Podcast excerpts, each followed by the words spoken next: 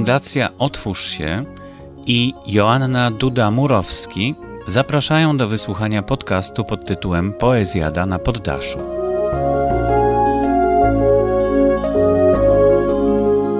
W ciężkich czasach, kiedy ostatnie poddasze było wirtualne, dlatego że spotkaliśmy się online w komputerze z powodu pandemii. Dzisiaj możemy się spotkać, dlatego że jesteśmy wszyscy przetestowani i poszczepieni na poddaszu tradycyjnym, w kręgu, przy świecach, przy winku, przy kawie, herbacie, jak zawsze. Chciałam tylko przypomnieć, że spotkania na poddaszu, poezjady na poddaszu odbywają się z różną częstotliwością od 2014 roku. Także ho, ho, tematów ważkich jest e, więcej niż możliwości spotkania się. To jednak problem, żebyśmy w sensownym gronie mogli e, nie dla celów hulaszczych, tylko dla celów rzeczywiście dyskusyjnych się spotkać. Te dyskusje wynikają, wychodzą z nas. Nosimy w sobie wiele znaków zapytania, mierzymy się z tym sami ze sobą, dlatego że jak spotykamy się w grupie, to przeważnie mówimy o nowych samochodach, gdzie byliśmy na urlopie, co kto gotuje, gdzie co taniej kupić, czyli o takiej prozie życia rozprawiamy. Natomiast to, co nas dusi w sobie, nosimy i to było zarzewie, początek tego pomysłu, żeby się spotkać i wyrzucić to z siebie. Przypominam, że podczas tych spotkań nie chodzi o to, żebyśmy doszli do jakiegoś konsensus na koniec, e, żeby mniejszość przekonała większość, żeby ktoś miał wpływ na czyjeś. Chodzi o konfrontację, skonfrontowanie się tego, co ja do tej pory nosiłam w sobie i e, to, co życie dołożyło mi z doświadczeń, że taki mam pogląd, czy takie mniemanie e, z kimś drugim. I myślę, że to wzbogaca nasze życie, jak poezja, jak miłość, jak filozofia, czyli te trzy aspekty, które od początku, od zarania ludzkości szukają odpowiedzi ale tej odpowiedzi nie ma. Ale poprzez proces poszukiwań rozszerza się, tak jak wspomniałam, te horyzonty. Jesteśmy bogatsi o pewną wiedzę, mądrzejsi i e, doświadczamy szerszego spojrzenia na nasze życie, na sens tego życia lub na dylematy, które potykamy w życiu. Ale ta wiedza może być czasem smutna. Spotykamy się, rozszerzamy nasze horyzonty, to stwierdzamy, że nasze życie do tej pory przebiegało w tych wąskich horyzontach i że właściwie było w jakiś sposób stracone. To, to jest taka refleksja też mi przychodzi do głowy. Dokładnie tak. Te dylematy i myśli, które nas nurtują, na które, tak jak w przypadku wiary, która sama w nazwie nie jest wiedzą, więc nie mamy konkretnych odpowiedzi na to. Jednak rozszerzając wiadomości, unikamy ślepej wiary, czyli w tych wszystkich dylematach. Miłość. Nikt nie zna recepty na miłość i nie pozna na idealną miłość recepty, jak świat światem, jednak cały czas o tym się pisze, mówi, śpiewa. Jest to temat ważki, bo dotyka cierpi, mocno naszej cierpi. cierpi z miłości sens życia. Tym bardziej, tym bardziej, że mówimy o takich pojęciach absolutnych, które tak naprawdę nie istnieją, czyli mówimy o czymś, czego nie ma. nie ma i jest. Opisujemy tylko objawy tego, tak, co uważamy popatrz, za miłość. Nie ma, a jest w nas. I to nas, e, Olu, zgodzisz się, że to nas najbardziej nurtuje. Ale to, że jest i nie ma, to robi się kompletne. To według mnie to się w ogóle nie zaprzecza. Nie, jasne bo to, że nie ma na przykład idealnego człowieka jako takiego, to nie znaczy, że nie ma ludzi na świecie. Są poszczególne egzemplarze, indywidua, które w jakiś sposób tej idei człowieka starają się sprostać, czy patrzymy, że my mówimy, a ten naprzeciw mnie to jest człowiek, To znaczy, że ta idea człowieka jest obecna u mnie w głowie, że nie powiem, że szafa jest człowiekiem, tylko że tutaj wszyscy, którzy siedzimy przy stole, czyli te ogólne, absolutne pojęcia, one istnieją, tylko nie istnieją tak, jak stół istnieje, jak zegar, który, no, poszczególne egzemplarze tego, może niewydolne, może nie, nie w pełni spełniające kryteria tego bycia człowiekiem, ale we wszystkich nas jest idea tego człowieka. Jest i ona nas czyni człowiekiem właśnie. I dlatego te absolutne pojęcia, one są. I one kierują nami, naszym myśleniem, naszym życiem, chociaż o tym nie wiemy za bardzo. Powiemy, że nie powoduje, nie wiem, Arystoteles używa takiego fajnego przykładu zawsze, że ktoś robi zelówki do buta. Robi zelówki, ale no, i mówi, że to jest dla niego najważniejsze w życiu. Czy tam zarabia tym pieniądze, czy można to rozwinąć. A on by nie robił tego, tych zelówek, jakby nie chciał mieć buta.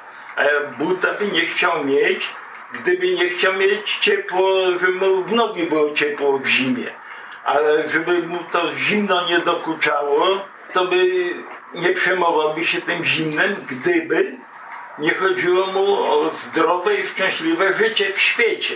Także robienie tych zelówek już te małe cele, takie podstawowe, już wskazują, że istnieją te najwyższe i najważniejsze, które nami kierują. I to do tych absolutnych pojęć. Byśmy nie zaczęli robić zelówek, gdyby nam nie chodziło o życie, o zdrowe, szczęśliwe życie w świecie. I to jest genialny Arystoteles.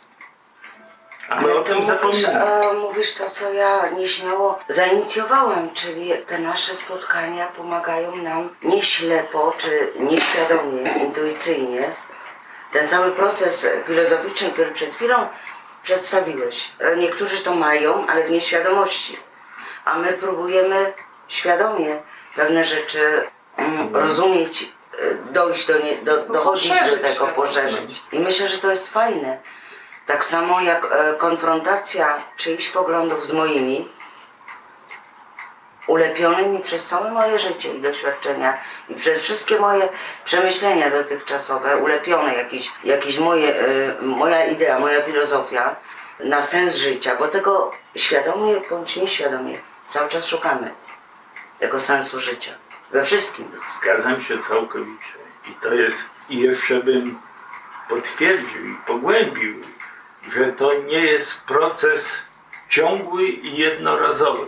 Także jak raz zrobiliśmy jakieś przemyślenia, to je mamy do końca życia. One są ważne. A wręcz przeciwnie jest. Cały czas, każdy dzień, każdego dnia trzeba to pytania sobie, te pytania sobie postawić. Co kieruje moim życiem? Dlaczego ja robię te zelówki? Czy chcę mieć, bo dlatego, że chcę, bo dlaczego idę do pracy, czy dla, dlaczego robię to, bo dla mnie jest to ważne. I to, co jest ważne, to, co kieruje tym moim działaniem, o czym nie wiedziałem, uświadomić sobie to, to uświadamia sobie sens własnego życia wtedy. I to ciągle trzeba takie pytania sobie zadawać.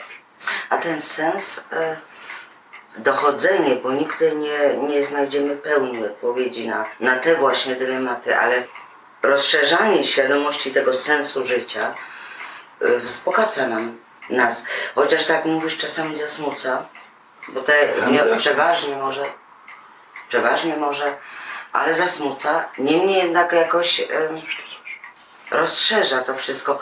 Wiesz co, Marku? Kiedyś ktoś powiedział, że cecha charakteru, taka jak upór, jest przynależna ludziom prostym. Ona w pewnym sensie rekompensuje brak jakiejś ambicji albo wzmacnia je w tym mniemaniu, upór. A to, co powiedziałeś, i bardzo mi miło, że, ta, że te spotkania, właśnie ta konfrontacja naszych poglądów pozwala nam rozszerzyć horyzonty, tudzież zmienić czasami radykalnie pogląd na pewne sprawy. To jest ta elastyczność, która nas różni od uporu. Tak jest. Bo upór hamuje rozwój i dążność do otwartość na zmianę. A ja bym się z tym całkiem nie zgodziła. Bo na przykład jak ja mam jakąś wizję, którą chcę przekazać jako artystka, powiedzmy wizję jakiegoś obrazu, jakiegoś projektu, jakiegoś wideo, to ja bardzo jestem uparta na to, żeby właśnie to jak najbardziej zbliżyć się do tej wizji. Potem mam różne problemy z tym związane i właśnie po drodze do rozwiązania tego bardzo się rozwijam. Ale właśnie dlatego, że jestem uparta i chcę tą wizję zrealizować. No tak, ale jesteś również otwarta, że jak na tą two i to bardzo dobrze u artysty, jak na moim zdaniem, jak ta upór, że czujesz, że to jest to. I nie pozwolisz ty w swoim odczuciu, czy to piosenki, czy to Na poezji, ten moment, bo jutro jak już to skończę, to już to jest obojętne. ale wiesz, ale wystawiasz się z tym, konfrontujesz z innymi, jesteś otwarta na ewentualną krytykę, czy na odbiór zupełnie inny niż twoje zamierzenia w procesie tworzenia były. Nawet otwarta na możliwości realizacji, do których na przykład nie doszłam jeszcze wcześniej. No to się jesteś dopiero- zaprzeczeniem uporu. No, ale jest Upór w tobie jest. jak osioł nie możesz nazwać uporu tego przeświadczenia, które w tobie jest w procesie tworzenia. Bo ty czujesz, że to jest tak i tak ma być. To jest co innego, to jest proces jest tworzenia. I jak dopiero to stworzysz, to jesteś otwarta.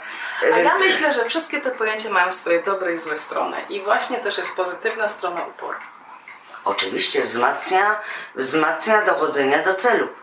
O. Jak już braknie ci innych argumentów, to ten upór, nie wiem dlaczego, straciłem pewność dlaczego, ale uparłem się, że to zrobię i, i to robię. Tak. To górale mają. Znam jednego górala, który się tak uprze, nie ma siły. Żadne argumenty nie działają, on po swojemu będzie robił i, i nie słucha, bo tak już dziadowie robią. Ale to ten proces twórczy, o którym mówi, pracuje nad czymś.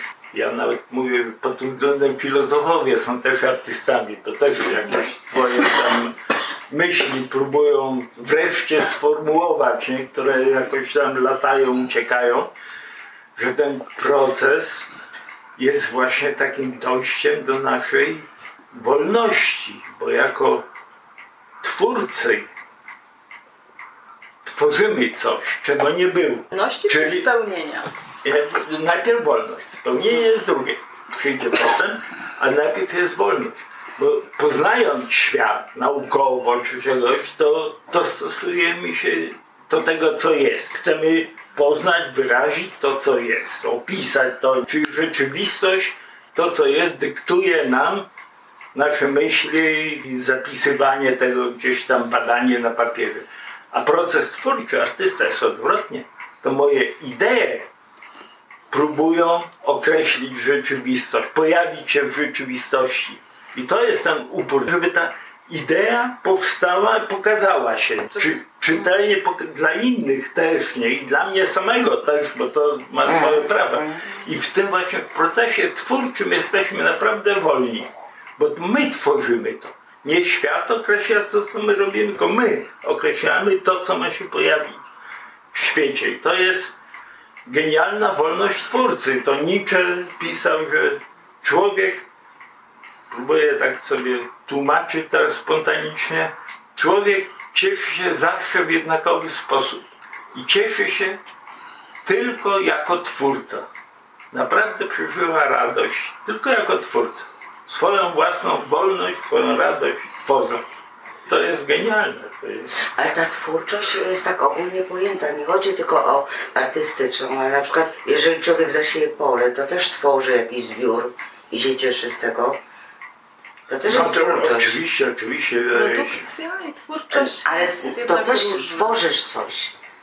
Tak, ale możesz coś produkować dalej, nie jesteś twórcą, to możesz reprodukować. Twórczość to Ale jest, to co jest bardzo istotne, ale ja to, twórczość to jest coś, co tworzymy, czego jeszcze przedtem nie było. To jest coś nowego. Coś, co jeszcze nie ma żadnych reguł, według których to należy tak właśnie robić, jak my robimy. Jeżeli jestem przeświadczony o czymś, że muszę coś takiego zrobić, no to muszę. I tutaj jest kwestia całej wolności. Kto ma tę wolność, a kto mieć jej nie powinien.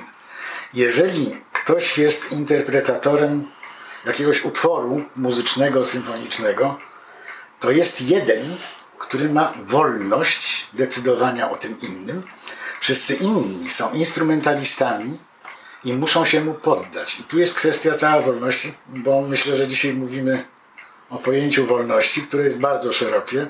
Myślę, że ten temat poruszali już wszyscy filozofowie, którzy do tej pory żyli i następni też to będą robić. Myślę, że można by było e, dziesiątki kalendarzy takich oddzielanych kartek e, wyposażyć w cytaty o wolności i będzie tego jeszcze pełno, co można wykorzystać. Myślę, że temat wolność jest tematem, który będzie nas zawsze interesował i za każdym razem trochę inaczej. Wolność to oczywiście jest wiele różnych spojrzeń na to pojęcie i może trochę nie na temat, ale powiem ciekawostkę, że słowo wolność przed wojną w dialekcie wileńskim oznaczało rozwolnienie. A zatem ktoś, kto był dotknięty wolnością, niekoniecznie musiał się z tego powodu cieszyć. No i dzisiaj tak, tak samo pozostało. Mieszkamy I owszem, a teraz, a teraz jeszcze powiem tylko, że e, to, co teraz było jako żart, ciekawostka, można to zupełnie spokojnie wytłumaczyć jeszcze takimi przykładami, jak mnie spotkało spotkanie z jednym młodym człowiekiem zaraz na początku lat 80. w czasach swojej szkoły średniej rebeliował, trochę tam podskakiwał i miał po prostu dość tego, żeby mu wszyscy mówili po kolei, co ma zrobić, co ma myśleć, jak ma się zachować, czego mu nie wolno, a co musi. Wybrał wolność, wyjechał do Niemiec, tu znalazł tę wolność i tę wolność znalazł tak dalece, że nie potrafił sobie z nią poradzić. Jak myśmy go spotkali, to on akurat właśnie postanowił wstąpić do wartowniczych służb armii amerykańskiej, ponieważ to daje mu jakiś taki kręgosłup, na którym on stoi. Dają mu jakieś tam pieniądze niewielkie, ale ma zorganizowany dzień. Wie, że rano jest powstanie, potem jest e, gimnastyka, potem jest to, tamto, siamto, wamto. Te kilka godzin wolności może mu wystarczyć całkowicie, kiedy może opuścić koszary i robić co zechce. Poza tym nie miał żadnego pomysłu na życie, a siedzenie z kolegami źle mu nie było, bo miał uznany azyl, więc mógł przeżyć, jeszcze do tego jakieś dodatkowe roboty gdzieś tam na czarno, ale nie wiedział, co ze sobą zrobić dalej. I potrzebował takiego kręgosłupa, który mu tę wolność ograniczy. Po prostu nie mógł inaczej. Doszedł do wniosku, że całe życie spędzić na tym, że będzie z kolesiami wódkę pił do imentu, jest to też na dłuższą metę nie najlepszy dla niego. Drugi gorszy przykład, przepraszam, jeszcze tylko powiem o jeszcze jednym przykładzie, który na mnie zrobił olbrzymie wrażenie. Kilka lat temu y, widziałem, już nie pamiętam czy widziałem, czy słyszałem, wywiad z trenerem piłkarskim, który z Niemiec został zaangażowany w Korei Północnej, żeby tam właśnie piłkę nożną bardziej uświadomić, żeby zbudować jakiś zespół i tak dalej. Opowiadał, że pierwsze jego wrażenie, straszne zresztą, było, kiedy poszedł na jakiś mecz piłki nożnej. I tam było wszystko normalnie, to znaczy na, na boisku grali, przestrzegali reguł, nie przestrzegali, były dramatyczne sytuacje pod bramką. Ale cała widownia była absolutnie cicha. Nikt nic nie krzyczał, nikt, nikt nie klaskał, nie było żadnego aplauzu. Nie było żadnej emocji, nic. Okazało się, że nikt tym ludziom nie powiedział, kiedy się mają cieszyć, kiedy mają być entuzjastyczni, a kiedy mają być spokojni. Siedzieli jak posągi. Po prostu oni czegoś takiego jak wolność nie znali i samo, samo myślenie o tym, że mogliby wybierać, że mogliby być po tej albo po tamtej stronie, kibicować tym albo tamtym, w ogóle im do głowy nie przychodziło. Ale Oni po prostu już jako, ludzie. to już są zaprogramowani. Oni No. byli całkowicie już pozbawieni wolności i w ogóle nie wiedzieli, że coś takiego może istnieć i cokolwiek w ich życiu robić. Ale ja to znam Januszu, poczekajcie strony. chwileczkę, E, e, bo w tym momencie chyba wypadałoby przedstawić dzisiejszych dyskutantów na poddaszu. Janusz Pac, Pac Pomarnacki, tak. e, Marek Szymczak, Jestem obecny. e, Aleksandra Sztek, e, już bywalczyni prawie że stała na poddaszu i niezbędny filar naszych dyskusji filozoficznych, doktor filozofii Marek Żmijewski, no i gospodarze poddasza e, Joasia i Krystian Murowscy. E, Padło parę razy słowo wolność. Nie bez kozery, bo to słowo ma być tematem dzisiejszego wieczoru. I stałych słuchaczy naszych audycji uprzedzam już jakieś krzyki i y, chaos, że rzeczywiście ten temat już był, ale ponieważ słowo wolność jest tak obszerny i ma tyle rozgałęzień, i z tego co pamiętam, w 2018 roku mieliśmy spotkanie na temat wolność, ale myśmy wtedy ugryzali tą wolność pod, pod kątem, czy wolność oznacza, że wolno mi wszystko. Natomiast dzisiaj chciałabym inną gałązkę tego tematu wolność poruszyć, o ile mogę Wam narzucić i prosić Was o to, ale w obliczu tego, co się dzieje w naszym kraju, z którego żeśmy wyemigrowali, w obliczu granic głównie wschodnich, w obliczu tych zasiek. Uważam, że ten temat dzisiaj właśnie w tym kierunku, tą gałązkę powinniśmy troszeczkę wziąć, ale Ola obiecała, że nas to wprowadzi utworem, który absolutnie dzisiaj się zrodził, tak? Tak, ale ja bym bardzo chętnie nawiązała do tego, co ja też powiedziałam. Dlatego, że na przykład jednym z moich ulubionych autorów jest Joachim Ernst Behrendt. Nie wiem, czy go znacie, jest taka książka też Nada Brahma, Die Welt ist krank. I on tam opisuje właśnie taki fenomen, że a chodzi o logikę szczeg- szczególnie, że, że w takich krajach, my to nazywamy, że oni są pozbawieni wolności przeprogramowywani. A tu chodzi jednak o taką sytuację, że oni mają zupełnie inną logikę. Dla nich nie ma czegoś takiego na przykład jak zawody, że jeden mierzy się z drugim i jeden ma być lepszy od drugiego. Oni mówią wtedy jeden wygra, a co z resztą? Wszyscy się starali, reszta jest nieszczęśliwa. U nich jak są tak zwane zawody, to chodzi tylko i wyłącznie o to, czy ja się polepszyłam w moich wynikach. Nie ma tej konkurencji. Ja uważam, że to jest piękne i to jest właśnie wolność. Bo nie muszę się mierzyć z kimś innym czy z czymkolwiek, tylko mierzę się sama z sobą. Czy ja dzisiaj jestem lepsza niż w tamtym tygodniu. I to oni oceniają. Na forum. Ale ja bym W szkole, nie byłbym forum. szczęśliwy w tym społeczeństwie. Ale tego chciałam do tego nawiązać, bo myśmy to zaraz powiedzieli, oni są przeprogramowani, pozbawieni wolności, a oni po prostu są inni. Oni są po prostu inni, ale oni po prostu nie mają takiej potrzeby, żeby wybierać. Oni mają to zadane i robią to, co im nakazano z góry. Oni się kłaniają przed pomnikami wielkiej dynastii Kim i muszą się kłaniać trzy razy i muszą być absolutnie entuzjastyczni do tego, co powie w telewizji taka pani, czy tam jakiś pan. I po prostu nie mają tego typu potrzeb, bo takie potrzeby będą produkować również konsekwencje. Jeżeli się na coś zdecydujesz, to potem ponosisz konsekwencje, czyli jakaś tam odpowiedzialność za to, że sama decydujesz o czymś. To samo, co mówiłem o młodym człowieku, który poszedł do wojska szukając wolności, gdzie mu wszystko elegancko ustawili co do minuty, gdzie ma prawo jeść, do kiedy ma prawo spać, do kiedy ma wszystko. Wszystko mu zorganizowano i on jest w tym to absolutnie nie e, to jest, zadowolony. To, to jest- było to, czego no. on potrzebuje. my tak Czyli samo, możemy powiedzieć, że ewentualnie wolność nie jest dla wszystkim tym, do czego się dąży. Może trzeba się pozbawić wolności, żeby ją poznać. Żeby ją trzeba, docenić. trzeba poznać ciepło, żeby wiadomo, co jest zimno. Zauważyć. Jasne, jak No, jest no, ciemno. trochę, trochę też e, niebezpieczne jest, bo, bo jest pytanie, czy jakby tak z- ostro z góry zapytał, czy człowiek jest z istoty wolny, czy staje się wolny, czy wywalcza wolność, czy wolność jest wtedy, jeżeli ja wiem o te swoje wolności, czy wystarczy, że, że mną nikt nie kieruje, nikt mną pałką nie bije i nie gania i wtedy jestem wolny.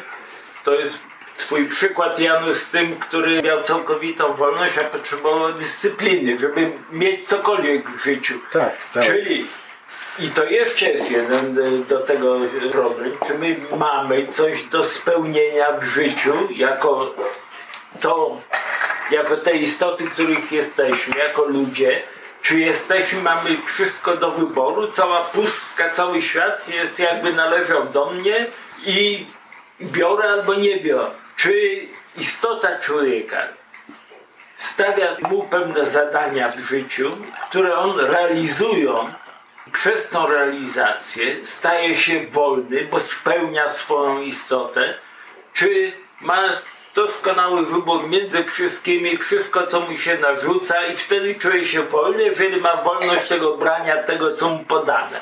Bo jest bardzo wiele różnych rodzajów wolności. Jest wolność jednostki, która dotyczy tylko mnie i moich możliwości. Jeżeli ja na przykład wpadnę na pomysł, że będę wirtuozem skrzypiec, to mi się to na pewno nie uda, bo już jest za późno na takie próby. Jestem ograniczony tym, że istniejemy w świecie materialnym, który nie pozwala mi na przykład podskoczyć piętro wyżej i potem powolutku opadać, bo to się nie da zrobić mimo mojej największej chęci. To jest jedna sprawa. Ale druga sprawa, gdzie są granice mojej wolności, które mogę rozszerzać dokądś tam. Bo tak patrząc tylko na, na ten jeden aspekt jednostkowej wolności, to można by powiedzieć, że najbardziej wolnym człowiekiem to był taki Robinson Crusoe. Nie musiał brać pod uwagę żadnych innych ludzi, nikt mu nie przeszkadzał. Co chciał, to robił, czego nie chciał, to nie robił. Nigdy.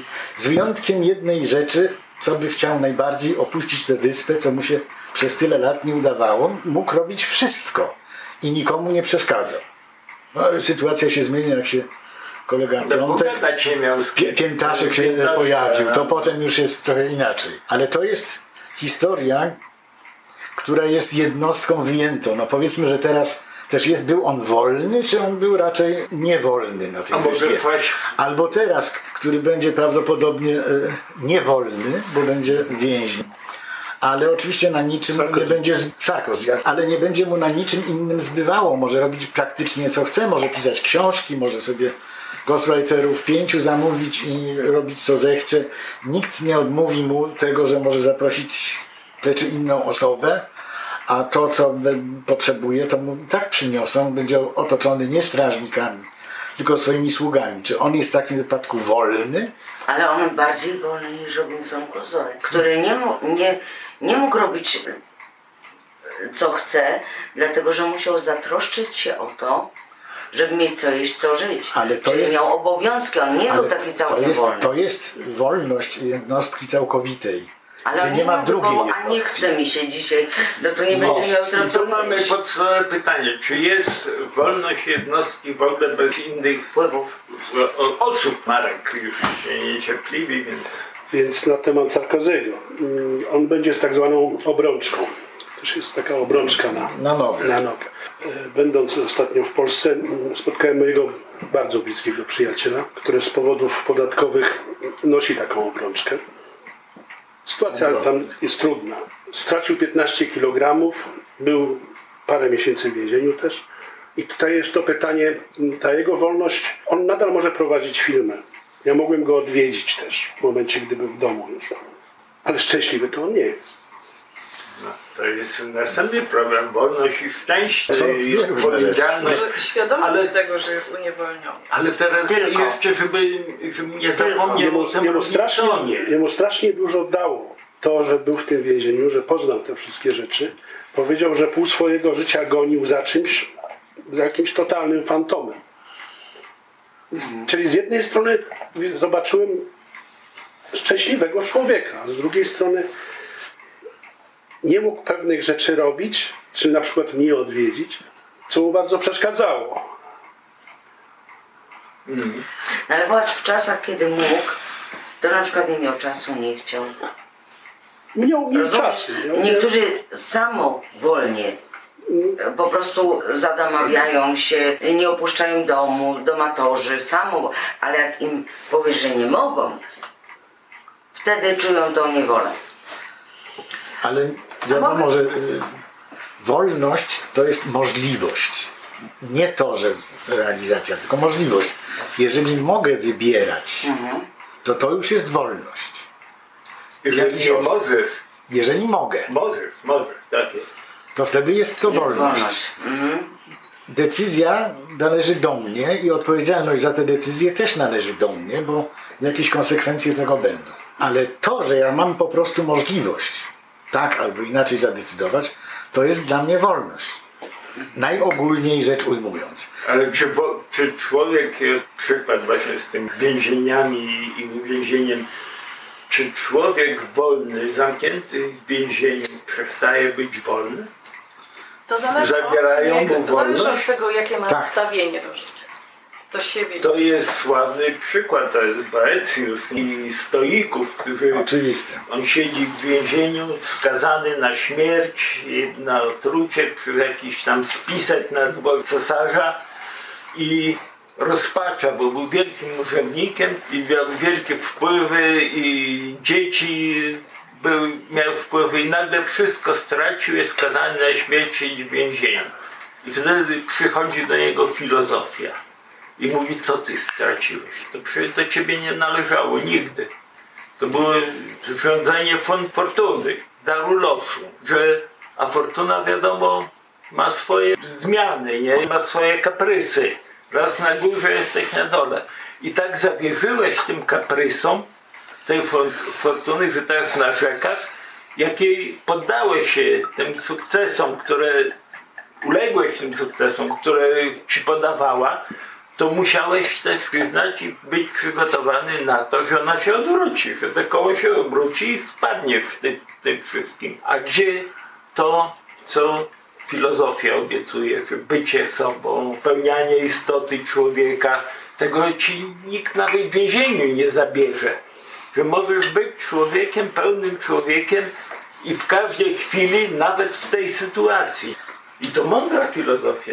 Oczywiście. I, i powiedział na koniec, że mówisz, myślałeś, jak studiowałeś filozofię, to myślałeś, że filozofia jest tylko w bibliotekach gdzieś, a ona jest i w więzieniu. Przychodzi do ciebie. O.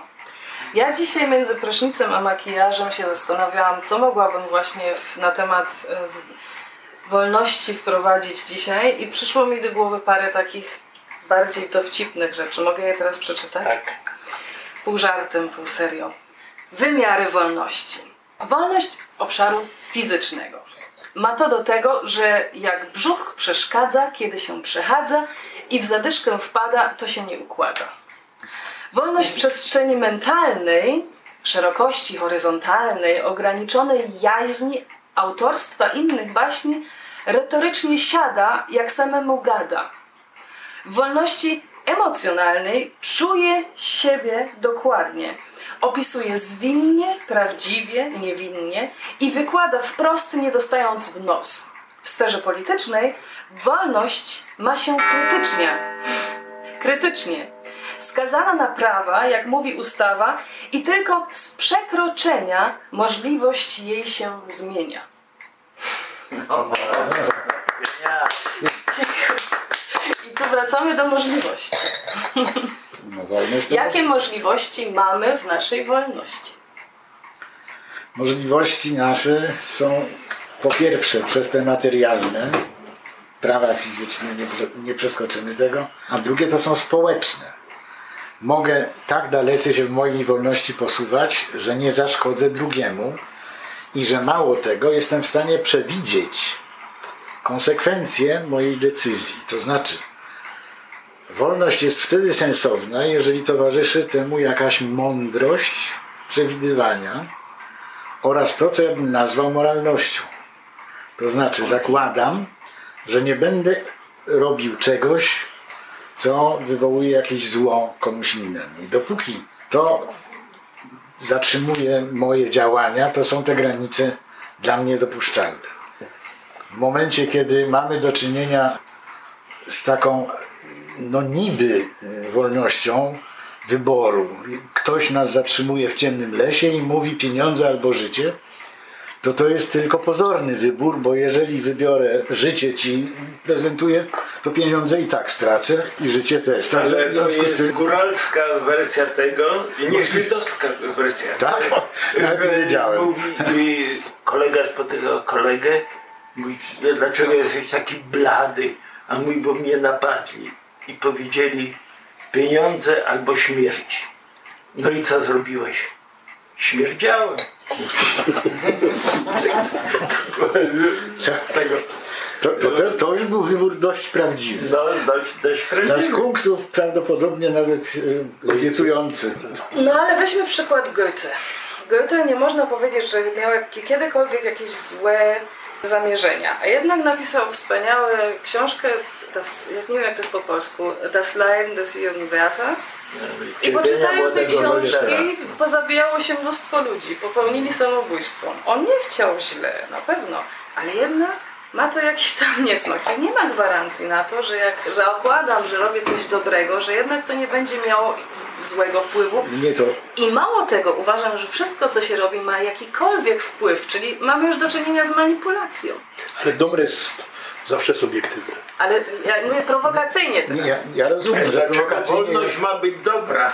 Zaraz, zaraz. Bo to jest założenie Ja mówię, że, ja mówię, że pewne działania mogą mieć negatywne skutki. Oczywiście, że mogą mieć, ale są dwie możliwości. Albo ja tych możliwości nie przewidziałem, albo są one po prostu gdzieś jeszcze zaczajone. I to w twórczości jest najprostsze. Jeszcze nie wiadomo, co z tego wyniknie.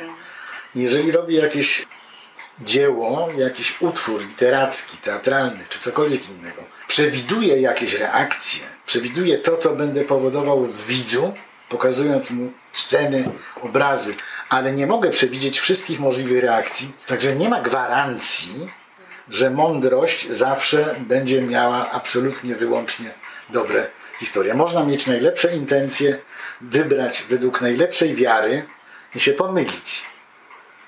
A jednak powinno się przewidywać. No musi się przewidywać, inaczej jest to w ogóle bez sensu. I to jest ten aspekt moralny. Bo, bo przeskakujecie, no bo to już jest założenie. To jest- I u Ciebie słyszę, podzielam, tylko nie można go przeskoczyć. Że wolność jest związana jakimś dobrem albo sprawiedliwością, albo czymś takim. No. Ale to trzeba o tym podyskutować, czy tak rzeczywiście jest. W tych całych dia- w dialogach platońskich, potem Machiavelli, czy historii filozofii można prześledzić, powiedzieć, że to był wielki problem. Sokrates z sofistami, którzy uczyli retoryki, która prowadzi do objęcia władzy. Tam cały czas się spierał właśnie, że wolność ma swoje granice, powiedzmy, dlatego, że zaprzecza sama sobie, jeżeli je przekroczy. Staje się w dialogach platońskich, że można przy Alkibiades, który był wielkim bogaczem i młodym człowiekiem w Atenach i rządził wszystkim, nadzieją był Aten, mówi, że no, wolny jestem, mogę wszystko robić, mogę używać innych ludzi do swoich celów, mogę zarabiać na pieniądze, mogę wszystko i jeszcze powiedział, jeszcze zadbam o to, żeby tą działalność tego typu była używana, traktowana jako dobro państwa i dobro wszystkich, że jeszcze będę jako ten sprawiedliwy. Tutaj siedział i władał Atenami. Cała rozmowa Sokratesa polegała na tym, czy to jest spójne w jakiś sposób, czy to ma sens. Czy on jest wtedy wolny, jeżeli ulega tym wszystkim namiętnościom, tym wszystkim chęciom, które napływają, tym pseudodobrom, które się ofiarują, jak dzisiejszym społeczeństwie, to mieć, tamto mieć, władzę mieć. Jeżeli ja temu ulegam, czy ja jestem wtedy wolny? Jesteś niewolnikiem własnego ego. No i jeszcze to już jest coś i czym jest to ego? I tego ego nie można się pozbyć. Ego można powiedzieć selbst, Niemcy by powiedzieli, czyli Nietzsche jeszcze by powiedział, że selbst jest wyżej niż ego. Czyli bycie sobą jest nie tylko bycie jaźnią mną, tylko jeszcze czymś tam innym. Tylko dopiero wyzwala od tych namiętności, od tego wszystkiego bycie w prawdzie. Że to poznajesz namiętność jako namiętność, która cię pociąga, że to nie jest twoja decyzja, ona cię bierze, ona cię wciąga, ona cię wchłania, wcale nie jesteś wolny, jeżeli jej ulegasz. Jeżeli spełniasz milion swoich namiętności, to wcale nie zrobiłeś się wolny, tylko coraz bardziej zależny od Ale tego wszystkiego. sama A prawda- bycie w pra- no, jeszcze jedno słowo. No.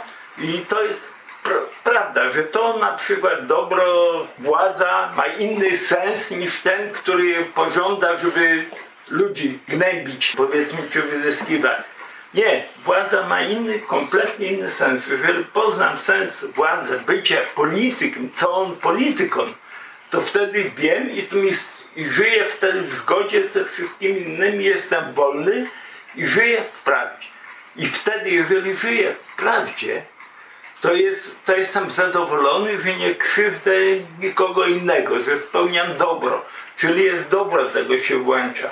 I piękno, bo jestem zadowolony z tego. Ale ja bym to nazwała nie w prawdzie, tylko w świadomości, bo prawda jest znowu takim absolutnym hasłem zerowym, który jest i go nie ma, bo nikt nie wie naprawdę, tak jak miłość, tak jak wolność i, i kilka innych. Ale A, jest. a be, jak się jest w świadomości, tak. to oczywiście jest to ograniczenie, jak daleko sięga moja świadomość i wtedy mogę właśnie rozważyć to odlisz, ale to niekoniecznie jest prawda. No ale może ze swojej świadomości nie wyskoczysz nigdy. I to jest dla mnie pewien rodzaj usprawiedliwienia takiego, że ja w mojej świadomości, ja też naturalnie przecież nie, nie wyskoczę z siebie i powiem, że mam inną, jeszcze mogę, dysponuję inną świadomością. Ale możesz ją poszerzyć. Mogę poszerzać, ale przez Ale to, tylko ją. że badam, co w tej mojej świadomości tkwiło i dlaczego ja tutaj, wracając do przykładu Lesa, dlaczego ja całe życie te zelówki robiłem, nie wiedząc, że mi chodzi o buty czy o zdrowie. I to jest przekroczenie, ten moment przekraczania swojej własnej świadomości odbywa się w tej świadomości, że sens tego, co robiłeś, uświadamiasz sobie. I przez to zbliżasz się do prawdy, dobra i piękna. Ja tutaj ideał filozofii, To jest, Ale dopóki była metafizyką. ona, ona ma rację mówiąc powiedziałeś to. takie coś, że wolność ma swoje granice. Zawsze. Z- Zabrzmiało to jak antagonizm zupełnie. To chcesz powiedzieć, że tymi granicami wolności Prawda, prawda jest. prawda, miłość, Prawda, sumienie, dobro, piękno, tak. prawda, tak? No, jak jest wolność, to jest i niewolność. Ja tutaj nie mogę się z pojęciem prawdy zgodzić w tym kontekście. Co to jest prawda? Jest to adekwatne do tego, co istnieje, tak? Ale my mamy możliwość oglądania rzeczywistości dość ograniczoną. Jeżeli bierzemy pod uwagę nos psa, który jest 10 tysięcy razy bardziej czuły niż nas, to mnie to nic nie mówi, a psu opowiada niesamowite historie, co się w tym pomieszczeniu działo wczoraj i jeszcze przedwczoraj. Co jest zatem prawdą? Prawdą jest dla mnie to, jak ja widzę. Czyli względna prawda. Prawda jest oczywiście jest No względna, do czego, jak ale jest, masz jedną względną prawdę, to nie możesz mówić o żadnych innych prawdach. Jest, ja mam też swoją prawdę, ty masz też swoją prawdę, Tak. ona ma też swoją prawdę. i ale- jeżeli je wszystkie razem do kupy No to złożymy, to to A wybierzemy jakąś średnią, wszyscy- która dla nas jest do zaakceptowania. Mylimy, jeżeli takie, jeżeli wszyscy mylimy i złożymy nasze omyłki do kupy, to będziemy mieli prawdę? Będziemy mieli katastrofę. to Ale to, to- to mamy katastrofę, ale jeżeli będziemy składali te wszystkie nasze pojęcia prawdy, nasze odczucia prawdy do kupy i znajdziemy wspólne punkty, będziemy mogli tę prawdę dzielić. Ale to jeszcze jedno, jeszcze jedna rzecz, że to co my uwa- uważamy za prawdę, to jest, to nie tylko my, to jest 2,5 tysiąca najmniej lat rozważań na ten temat, że prawda to alejta i adekwacjo res intellectu et res, potem odpowiedniość rzeczy i myślenia i po kolei. To jest 100 tysięcy różnych odpowiedzi, które dążą do tego, żeby, czy zmierzają do tego, żeby coś, prawdziwe jest to, coś, co się pojawia w pełni swego sensu. Że my nie musimy, to, nie musimy tego zmierzyć, zważyć, tylko jak mówimy o wolności, to musimy wszystko zobaczyć, co do tego pojęcia należy. Jak ono w stosunku do innych pojęć się zachowuje. I to i patrzeć, czy nasze traktowanie tego, co ja uważam za wolność, czy za, za prawdę, czy to dorasta do tego ogólnego pojęcia? Ono jest kryterium. Ono jest. Ogólne, oczywiście. I my go nie mamy naturalnie. Cała ludzkość za tym biega od, od wieków, ale my mamy prawo i obowiązek nasze prywatne poglądy na temat prawdy, wolności skonfrontować z tym, co mądrzejsi od nas wymyślili też na ten temat. A nie powiedzieć, to jest mój, moje, Ja przy tym stoję, a to jest Arystotelesa, to jest Platona, to jest Hegla. Oni mieli swoje, ja mam swoje. Tego nie można. Nie można tak mówić. Bo wtedy nie ma dyskusji w ogóle. Idziemy za Marek, Marek.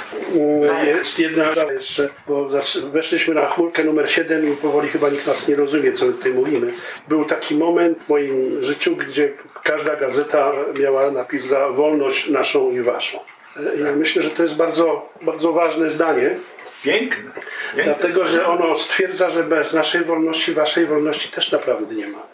I, I tutaj schodzimy trochę na niższy po, poziom, że tak się wyrażę, nie tak filozoficzny, y, a mianowicie y, ja myślę, że każdy człowiek wewnętrznie czuje, czy jest wolnym, czy nie. Bo jeżeli nie jest wolnym, to myślę, że on takie uczucie też będzie Myślisz? miał, że, że będzie je miał. Nie, ale to, To ja, poz- wolność... ja pozwolę sobie tak troszkę lżej potraktować ten temat wolności. Chyba to, co Janusz mówił, to, co Marek i to, co ty teraz i to, co Oleńko, ty mówiłaś. Tak bardzo taki lekki sposób pozwolę sobie takim przerywnikiem. Wiersz pod tytułem Ulotność. W powietrzu odciskam ślady. Unikam przyziemności skondensowany w beztroskim baloniku, podniebnie balansuję. Pląsam swoją wolnością aż do huku skrupułów. Pięknie. Super, brawo. Ta beztroska, o której wam przeczytałam, to jest to, co Janusz, tobie się wtrąciłam bezczelnie w twoją wypowiedź i ośmieliłam się zauważyć, że wolność w jakimś tam stopniu kojarzy się z poczuciem bezpieczeństwa, że to jest e, tak, tak jakby argument, czynnik niezbędny dla wolności, o czym e, Ola mówiła, że dziecko czuje się wolne, jak jest e, przystane do piersi mamy, tu też widzę podkład bez, poczucia bezpieczeństwa. O tym Marek mówił w 2018 roku na naszym poprzednim spotkaniu, że obwarowanie się, budowanie całych grodów murami, czyli pozorne więzienie nas daje nam poczucie właśnie tej wolności w środku, bo mamy poczucie bezpieczeństwa za murami. To poczucie bezpieczeństwa się rozbija w kawałki, czyli już ta wolność jest zagrożona. Dlatego też trzeba powiedzieć, że wolność ma różne aspekty. Mówiliśmy głównie o wolności jednostki, a teraz mówimy o wolności jakichś grup, o społecznych wolnościach. Można, i to zakłada demokrację, powiedzieć, że wszyscy powinni mieć takie prawa, żeby innych nie ograniczać. Są też, powiedzmy, takie postawy, które mówią, jakaś grupa ma więcej wolności niż inna i na przykład złota polska demokracja szlachecka polegała na rzeczywiście tym, że jakaś grupa miała olbrzymie wolności. Szlachcic na zagrodzie równy wojewodzie i tym podobne historie, ale dotyczyło to tylko jednej grupy ludzi, a reszta była wyjęta spod tego. To samo zresztą było w Atenach starożytnych. Też nie wszyscy brali udział. Obywatele Aten Tak, brali w tym udział. Nie No. obywatele nie brali. Tak, a teraz y, w Katarze też tylko niektórzy są demokratycznie y, w jakiś sposób uznawani, a cała reszta po prostu z kwitkiem może odchodzić. jak ten przykład jest dobry i da się przenieść na dzisiejsze czasy, te Ateny otoczone murami, które były jedynym miejscem politycznym, gdzie wolność polityczna była, polis, to znaczy to, to miasto, Miasto. to znaczy miasta, bo poloi to znaczy wielość ludzi. I ludzkość. w obrębach tych murów polis była wolność obywateli. Poza murami nie było wolności. Każdy mógł robić, próbuję cytować, nie wiem, czy silni robią co chcą, a słabi cierpią co muszą. Nie było żadnych, można było wymordować wszystkich. Dopiero w tych murach to ktoś miał jakiekolwiek prawo, nawet niewolnik miał prawo i jako człowiek, że tam nie można by było gnębić, zagłodzić. On miał inne prawa niż wolny obywatel. Politycznych nie miał praw. On nie miał praw politycznych. Teraz azylanci na przykład w Niemczech też mają, nikt nie może gnębić azylanta, ale on nie ma praw wyborczych, nie ma praw politycznych. Nie decyduje o kształcie Niemiec są, Niemcy. Kto nim będzie rządził? Tak, kto nim będzie rządził, on tego jest tutaj gościem, że tak powiem w jakiś sposób. Bezpiecznym gościem. I to, to jest bardzo ciekawe rozróżnienie, że filozofowie od początku nazywali człowiekiem i wolnym człowiekiem nie tego jego naturalne wyposażenie, że tak powiem, dane przez naturę, bios, to się nazywa, biologia od tego podchodzi. Co sam wyrósł, małe dziecko rośnie, jest zależne, to wszystko jest bios. To jest dane przez naturę, to nie ma żadnej wolności. Wszystko jest rozpisane. A dopiero w obrębie murów miasta, w obrębie tej społeczności człowiek ma jakiś wybór, ma swoje prawa. Może decydować o kim. No, w obrębie murów zamknięcie. Dobrowolność, jeżeli jest, jest tylko polityczna.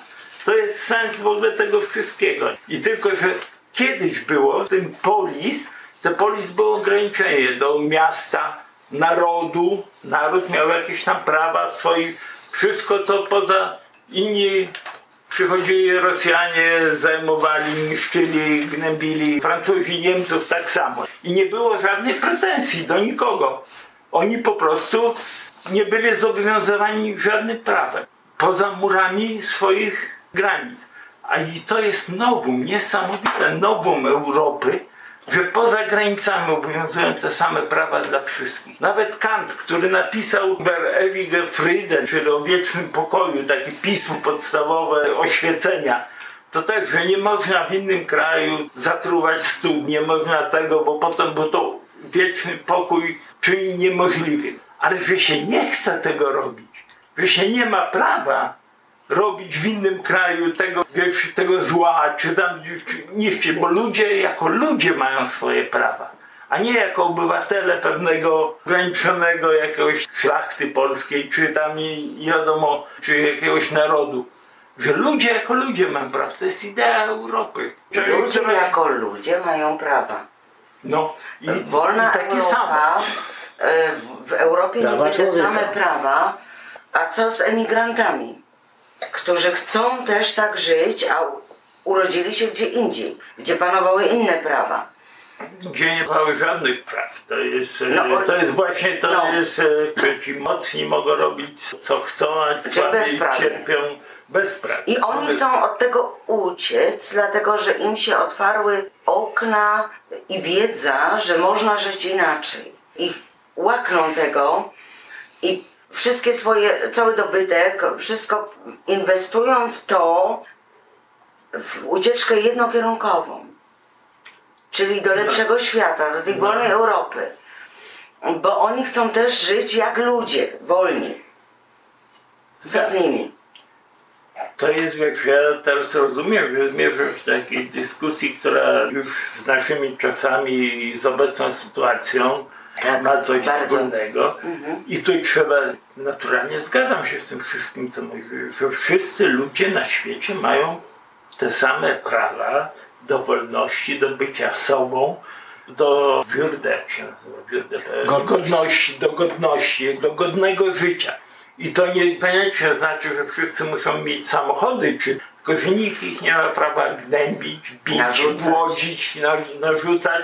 To są absolutnie podstawowe prawa, które są nienaruszalne nigdzie. I to trzeba powiedzieć.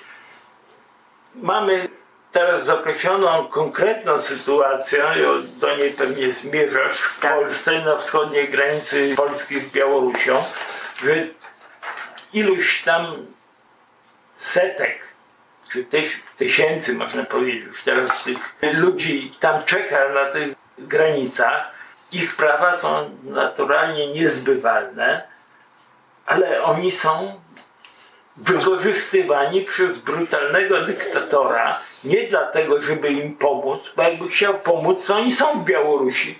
Oni są w Białorusi, oni mogą przecież oficjalnie są sprowadzeni przez dyktatora, mogą tam zostać. Ten dyktator powinien zapewnić, jak ich sprowadził, jakieś ludzkie warunki życia, Pracy. tak, a nie dopuszcza w ogóle nawet pomocy z drugiej strony, ze strony polskiej dla nich. Wszystko jest blokowane. I teraz jest tak naturalnie paradoks, dylemat i straszny dylemat, co z tymi ludźmi robić. Nie? Bo z jednej strony Europa, Polska są wykorzystywane po prostu Politycznie. politycz, politycznie to było dobrze, jakby jeszcze by go po prostu brutalnie, źle i bezwzględnie wykorzystywani. I nie chodzi o pomoc tym ludziom, tylko chodzi o to, żeby tą Europę, niekont, niekontrolowany napływ uchodźców, można powiedzieć, import, zapewnić import uchodźców z całego świata i my tutaj i teraz to jest groźba Łukaszenki, że jest to potworny dyktator, głupi, jak wszyscy dyktatorzy, żaden intelektualista, tu chodzi o to, żaden filozof, nie chodzi tam o jakieś dobro ludzi, tylko własne Czyli ratowanie ani huma- własnej skóry. też nie ma w tym. No, jest bezwzględny, to jest pomoc Rosji w tym, bez Rosji on by tego nie zrobił. I z tą sytuacją to ja nie wiem, co można zrobić. Nie No można... bo słuchaj, bo co innego jest walka, bo to jest poniekąd wojna. A na wojnie używa się pocisków, armat e, i takich rzeczy. W tej chwili Wojna jest to rodzaj organów, to piszczałką jest piszczy mamą. Dobrze być nawozem dla tych panów, tych panów z Amsterdamu. To Gałczyński tak pisał. Styl jego rzeczywiście. Ale że tutaj manipuluje się towarem przetargowym pociskiem uderzającym do w Unię Europejską. ludzkie, no. Jest, są ludzie. I ludzie, gdzie jakiś procent e, wśród tych ludzi są niewykształceni jeszcze ludzie, bo dzieci. Są instrumentalizowani. Dokładnie. Tak, ale to już I to jest, powiem. e, to jest sytuacja naprawdę patowa, bo nie wiadomo co z tym zrobić. Jeżeli Europa się zamyka na emigrantów, którzy zalali już Europę, a z drugiej strony te dzieci, które były w jakiś sposób w godnych warunkach w Michałowie zatrzymane, one zostały wywiezione do lasu, na bagna i proszę, żebyście zwrócili uwagę, jaką mamy pory roku. Z tego przerzucania, z, tych, z tego traktowania nieludzkiego, bo ja chcę bardziej, no oczywiście, że polityka tutaj e, sprowokowała i zainicjowała tą sytuację, jaka jest, ale patrząc humanitarnie na tą sprawę, jest to absolutnie nie do zaakceptowania, żeby zasłaniając się, że wśród nich są terroryści. To nie, to, to jest zła naturalnie reakcja na to. To trzeba wiedzieć i to jest... Ja czytałem mnóstwo różnych takich pism mili, militarnych. Grafa von Moltke, jak pisał do cesarza niemieckiego, odnieśliśmy wielkie zwycięstwo przeciwko Austrii, że myśmy stracili 4 tysiące żołnierzy, a wróg stracił 4,5 tysiąca. Że wielkie zwycięstwo odnieśli, że, a że 9 prawie tysięcy zginęło, to w ogóle bez sensu jakiej wojny, wiesz tam Habsburgów z Hohenzollernami, to, to nikogo nie obchodziło. Jest drugi moment taki, że wszyscy chwalą się tym, co mi zawsze przeszkadzało, że w wojnach pokazują, ile zginęło kobiet, dzieci i starców. A ilu młodych mężczyzn zginęło, to w ogóle nie. To, to, jakby należało do wojny. Młodzi mężczyźni tam się Jak tego, pociski. oni tak, i pokazują, Mężczyźni to byli żołnierze, po no, prostu. I ile to paliam. I to do niektórych kultur należy. To zobacz, pokazują, ilu z dumą pokazują. Myśmy stracili tam 5 tysięcy kobiet, czy dzieci stracili. To nasze ofiary. To my, my jesteśmy przez to, jakby nasza Lepsi. sprawa była uświęcona, że my to robimy. I to je- jest w niektórych kulturach tak. Że się to niewinność się, naszej też było, że te 11 tysięcy dziewic z kolonii wysłanych do Turcji, których tam oni chętnie przyjęli. To- Kłopot w tym, że no, większość historyków mówi, że te zera to w ogóle były dopisane o wiele, wiele później. No dobra, niech będzie A poza tym w 110. ogóle tej panienki nie było. Nieważne, ale jak można Ale ludzi traktować tego, no. statystyką? Jakoś, no to, już- to Przecież jest każdy człowiek tylko ciekawostka. to, to jest wartość nadrzędna. Tak, i to Ile jest- jest warte życie ludzkie? I to, to są teraz już dwie, dwie różne rzeczy na temat e, świętej naszej patronki w kolonii. To jest inna zabawa. Teraz mamy do czynienia z ludźmi, którzy nie są żadnymi wojownikami i nie jest to ich zadanie kogoś iść i zabijać, chociaż są pewne środowiska, które usiłują nam to wmówić, że to są zwyczajni ludzie, którzy cierpią i muszą dostać pomoc. To jest normalny kawałeczek człowieczeństwa, który jest gdzieś dość podstawowy. I pytanie jest takie, czy jeżeli wiem, że ktoś jest bandytą i to nie, mam mu nie podać ręki, czy to jest po prostu to coś, co mi mówi, a nie, kto jest ten ktoś, kto mi nie jest zgodny, niech sobie utonie. I to jest wtedy ta wolność ograniczona do jakiejś grupy, która polega na tym, że bronię wszystkiego, co jest dobre dla mojej grupy, a dla innych albo w ogóle nie obchodzi mnie to, albo im gorzej, tym lepiej.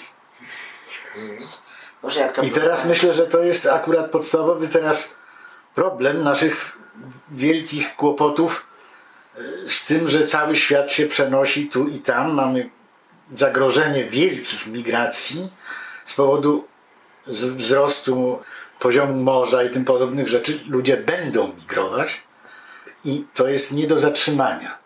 Oczywiście, że każda jakaś społeczność broni swoich praw i byłoby bardzo dziwne, gdyby tego nie robiła, byłoby to wręcz katastrofalne, ale istnieje kawałeczek jakiegoś człowieczeństwa, które mówi, że w zagrożeniu życia jak jednostki trzeba pomagać. Trzeba. I to dotyczy, i to dotyczy nie tylko granicy polsko-białoruskiej. To dotyczy również tych, którzy toną na Morzu Śródziemnym, tych wszystkich, którzy po prostu przestają być ludźmi, zaczynają być jakimś elemen- elementem polityki i całe człowieczeństwo ich się sprowadza do zera. Oni nie są równi nam. Już nie mówiąc o takich stwierdzeniach, które mówią, że no ci, którzy będą przyjeżdżać, to są zboczeńcy albo mają jakieś straszne choroby. A to jest nas tendencyjne, zupełnie. no, wiadoma sprawa, to jest historia, w- która celuje w nasz egoizm grupowy. Jeżeli ktoś jest inny niż my, to zagraża naszym jakimś tam wartościom, w związku z tym należy go pomijać albo likwidować. Ale muszę ci wejść słowo. To nie jest sprawa moralna. To jest moralne. Przepraszam. Artykuł 162 kodeksu karnego. Do trzech lat więzienia grozi kara za nieudzielenie pomocy. I teraz chciałam powiedzieć, to jest prawnie, że ale siostra Małgorzata. Chmielewska, Tak. zakonnica, powiedziała, że za nieudzielenie pomocy są kary. Jest paragraf. Ale ten paragraf nie uściśla, nie mówi o kolorze skóry. Bo jest właśnie ogólny. Tak, ale nie, nie, nie, nie mówi na przykład też o przynależności partyjnej. Jeżeli ktoś nie należy do mojej partii i to nie, to też nie muszę mu pomóc, bo jest on w moim przekonaniu akurat pasożytem społecznym, który mówi, że wszyscy mają te same prawa. No. Ja jeszcze mogę zwrócić uwagę na to, że mówimy o tym, że jest zagrożenie emigracji. Już to słowo jest bardzo negatywne. Ja bym nawet podkreśliła, że w tym jest też ogromna szansa, której nie dowidzimy i nie jest to w prasie na, adekwatnie do tego też przekazane. Mówi się o tych negatywnych rzeczach, nie mówi się o tych pozytywnych, co z tego wynikają. I tu jest wielki błąd. I tutaj się zapobiega temu, że wtedy ludzkość, albo nie ludzkość, powiedzmy jakiś tam naród, jest tam przeciwny. No dzisiaj mamy przykład na bieżąco. W Anglii y, teraz nagle się okazuje, że bez tych ludzi, którzy byli tymi obrzydliwymi obcokrajowcami, to oni praktycznie mają teraz cienko. No, oczywiście. Ten, cały ich system w ogóle nie funkcjonuje bez tych ludzi. No tak. Nagle. Szary człowiek, który szedł na te wybory, nie wiedział o tym, bo go o tym nie powiedzieli. Bo nie mogą tego powiedzieć wprost, bo to jest poniżające. Ja myślę, że problem jest e, w tej chwili względnie mały. Oglądając to, co mówią naukowcy o zmianach klimatu, może się okazać, że e, na przykład Afryka będzie po prostu za gorąca, żeby tam mieszkać. Tam mieszka parę miliardów ludzi. I oni nie będą mieli najmniejszego wyjścia. Nie to, że chęć wyjścia. No. Żeby przemy, przeżyć, będą musieli gdzieś wyjechać. I co wtedy zrobimy? Nie jesteśmy w stanie przyjąć miliarda ludzi. czy dwóch. Czyli jak chcemy to w ogóle rozwiązać? W jakim kierunku należy teraz już zacząć myśleć? Bo to, bo to nastąpi w pewnym momencie. Ale Marku, jak my nie możemy przyjąć ludzi, Ale miliarda którzy nie damy rady, nie uciekają przed zagrożeniem życia, przed wolnością, o której dzisiaj mówimy, który oni nie chcą, bo każdy z nas jest przywiązany do tradycji, do języka, do, do swojego miejsca. Mamy, mamy tą skłonność. Tak, ale oni Ogromną. wszyscy będą Oni nie chcą, ale oni muszą, żeby godnie żyć, żeby wolno żyć, przeżyć. żeby Nie, przeżyć. żeby godnie żyć do Europy. Godnie, tak. A na to Europa zamyka te Ale to kolczaste... nie- nie- Ale dlaczego Nie, nie nie powiemy, że Rosja? Dlaczego nie powiemy, że... Dlaczego nie powiemy, że Syberia, która jest, będzie w tym momencie pewno trochę cieplejsza, jest olbrzymia i właściwie miejsca ma od... I nigdy nie ma rozmowy na ten temat, żeby z tamtym krajem, czyli z Rosją porozmawiać. Słuchajcie, będziemy mieli problem. My nie damy rady wszystkich, możemy przyjąć dużo. Nie ma takich rozmów, nie ma takiego pomysłu. Ale nie ma też takiego punktu, wracając do tych uchodźców teraz, e, którzy wylądowali w Białorusi, że Białoruś ich przyjmie. To w ogóle nie ma mowy. Dlaczego nie?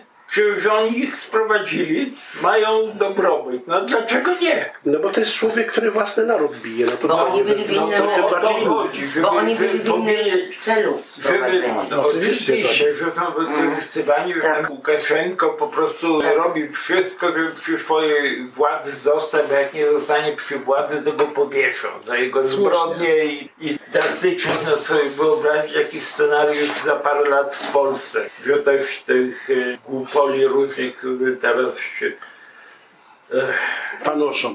no, Ale mam, e, mam ci do powiedzenia takie coś. Jedyny król Polski, któremu nadano przydomek wielki. Kazimierz. Kazimierz mu było. Tak. On toż właśnie otworzył Polskę na emigrantów, na Żydów. Zrobił Polskę między na, y, kolorową pod względem nacji. On otworzył i to jest jedyny król Polski, który ma przydomek wielki. No tak, zbudował więcej miast niż wszyscy inni przed nim. Ale to To było za znaczy tak, zezwoleniem. tak. Tak, tak. I, I mało tego, mało tego, na polu Tak. walki nie wykazał się tak, jak wykazał się polityką dyplomatyczną, unikając starć i wojen. I stąd on ma z tych trzech aspektów. Ma przydomek wielki. To jest jedyny król. Ale to jest Ale nie, nie, jak taki historyczny aspekt e, Mhm. mówisz, to jest bardzo ważne. To był ostatni z Piastów, który Mhm. niestety nie miał męskiego potomka i jego nie, z nieprawego łoża nie został uznany, ale to obojętne. Mhm. Tylko, że po nim zaczęła się zupełnie inna Polska. To już była Polska Jagiellonów. Polska nie z zachodu, nie tych dzielić Śląska czy Małopolski, Wielkopolski, tylko nagle Lwowa, Mińska, tam zupełnie inne problemy zaczęły się. Kompletnie. I to wiesz, że on naturalnie, Kazimierz Wielki, by stworzył Polskę taką, gdyby jego linia dalej tak szła, bo Polska była tak jak Holandia teraz, czy jak, nie wiem, Belgia, czy jakiś mały kraj europejski, silny, cywilizacyjnie mocny, był, ale nie, by, nie miałaby historii z Litwą, z Ukrainą, nie byłoby tego. Nie było to zmiana kompletna, zupełnie niewyobrażalna dla tych polityków, którzy to podjęli tą decyzję, że wiesz, Jagiełło będzie królem Polski. nie? Znaczy oni podjęli decyzję, że Jadwiga, w której była krew piastowska, będzie No królem no. y, Polski, jedyna kobieta, nie królowa, tylko król Polski. No a że kobieta musiała iść za mąż, w momencie wyjścia za mąż y, nie za Wilhelma, tylko właśnie za, za Jagiełły. No, no. Stąd się to, a że ona nie dała potomków, więc y, w potomkach Jagieły w ogóle nie było krwi ani piastowskiej, ani polskiej, bo w sumie on miał potomków z Soń, Sonką, z, z Zofią Kolczańską, czyli też z Litwy. Także na, ta dynastia się w ogóle zrobiła nie polska. Ale w to było no, dobra, dobra. e, krew No, ale- nie ale- ale- ale pominam Ale historia Polski jest Mm. związana teraz z Litwą, z Ukrainą, z tymi, Mhm. z tymi terenami Białystok też nie należał wtedy do Polski, tylko do Litwy. I to, to jest polska historia. I ta polska historia Litwy, Bo Białorusi, może czarne. Polska była. No dobrze, A. dobrze. A. No. No i To wydaje mi się, że gdzieś daleko odeszliśmy od, Od tematu. Daleko. y, y, Tak. to trzeba wrócić. No. Ja chciałam wrócić, miałam taki pomysł, żeby wrócić. Chcecie No. go usłyszeć? Tak. Tak. Bo No. mówiliśmy właśnie o te, z polityki przez tę całą wolność i ja to chciałam bardzo skupić do takiej osobistej wolności, która. Ja zrobiłam takie, takie krótkie, e, taką krótką definicję. Dla mnie wolność osobista jest spełnienie własnych potrzeb i oczekiwań co do bezpieczeństwa dorobku, potrzeby egzystencjalne, spirytualne, duchowe, emocjonalne, in- intelektualne i seksualne. I tutaj te spełnienie tych własnych potrzeb w każdym aspekcie jest na pewno dużo więcej, ma jakąś tam skalę. chętnie pomógł w niektórych sprawach. Ona jest Wyobrażam bliska, bliska kibisom. Nie, ja mówię o tym, że każdy człowiek indywidualnie określa te swoje potrzeby. Jeden potrzebuje tu więcej, a tutaj mniej. Jeden potrzebuje więcej na przykład wolności intelektualnej, a drugi więcej seksualnej, a jeszcze trzeci potrzebuje po prostu tą zwykłą egzystencyjną, żeby przeżyć, tak jak ci ludzie za tą granicą, prawda? I tutaj trzeba to pod tym względem po prostu skupić do tej jednostki. Z kim mamy do czynienia, o kim mówimy teraz. Zgadza się, zgadza się. To jest tylko kwestia taka, że to nie możemy mówić w tym wypadku o jednostce, bo musimy mówić o grupach społecznych. Jeżeli jakąś grupę społeczną, na przykład naród, otacza zagrożenie z zewnątrz, to się naród konsoliduje najczęściej w centrum wobec władzy. I to jest e, jeden z powodów, dlaczego Łukaszenko przy pomocy swojego e, kolegi, którego e, ja nazywam Adolf Wisarionowicz Putin, realizuje, bo jeżeli jest zagrożenie ze strony tych strasznych Polaków, no to wtedy on jest w jakiś sposób legitymowany tym, że on jest tym baciuszka, który, który rządzi, który wie wszystko. Jeżeli tego nie będzie miał, no to ktoś może go chcieć rozliczać. To jest bardzo niezręczne dla władzy. A my z kolei w Polsce też usiłujemy jakoś tak dziwnie reagować, że gdzieś albo walczymy o naszą już y, naprawdę wolność i egzystencję narodu, albo wyciągamy rękę do potrzebujących i to jest albo albo, to wcale nie jest albo albo. Jeżeli mm, ktoś się zgłasza na azyl, ma prawo do tego, żeby się zgłaszać i zostać poważnie potraktowany.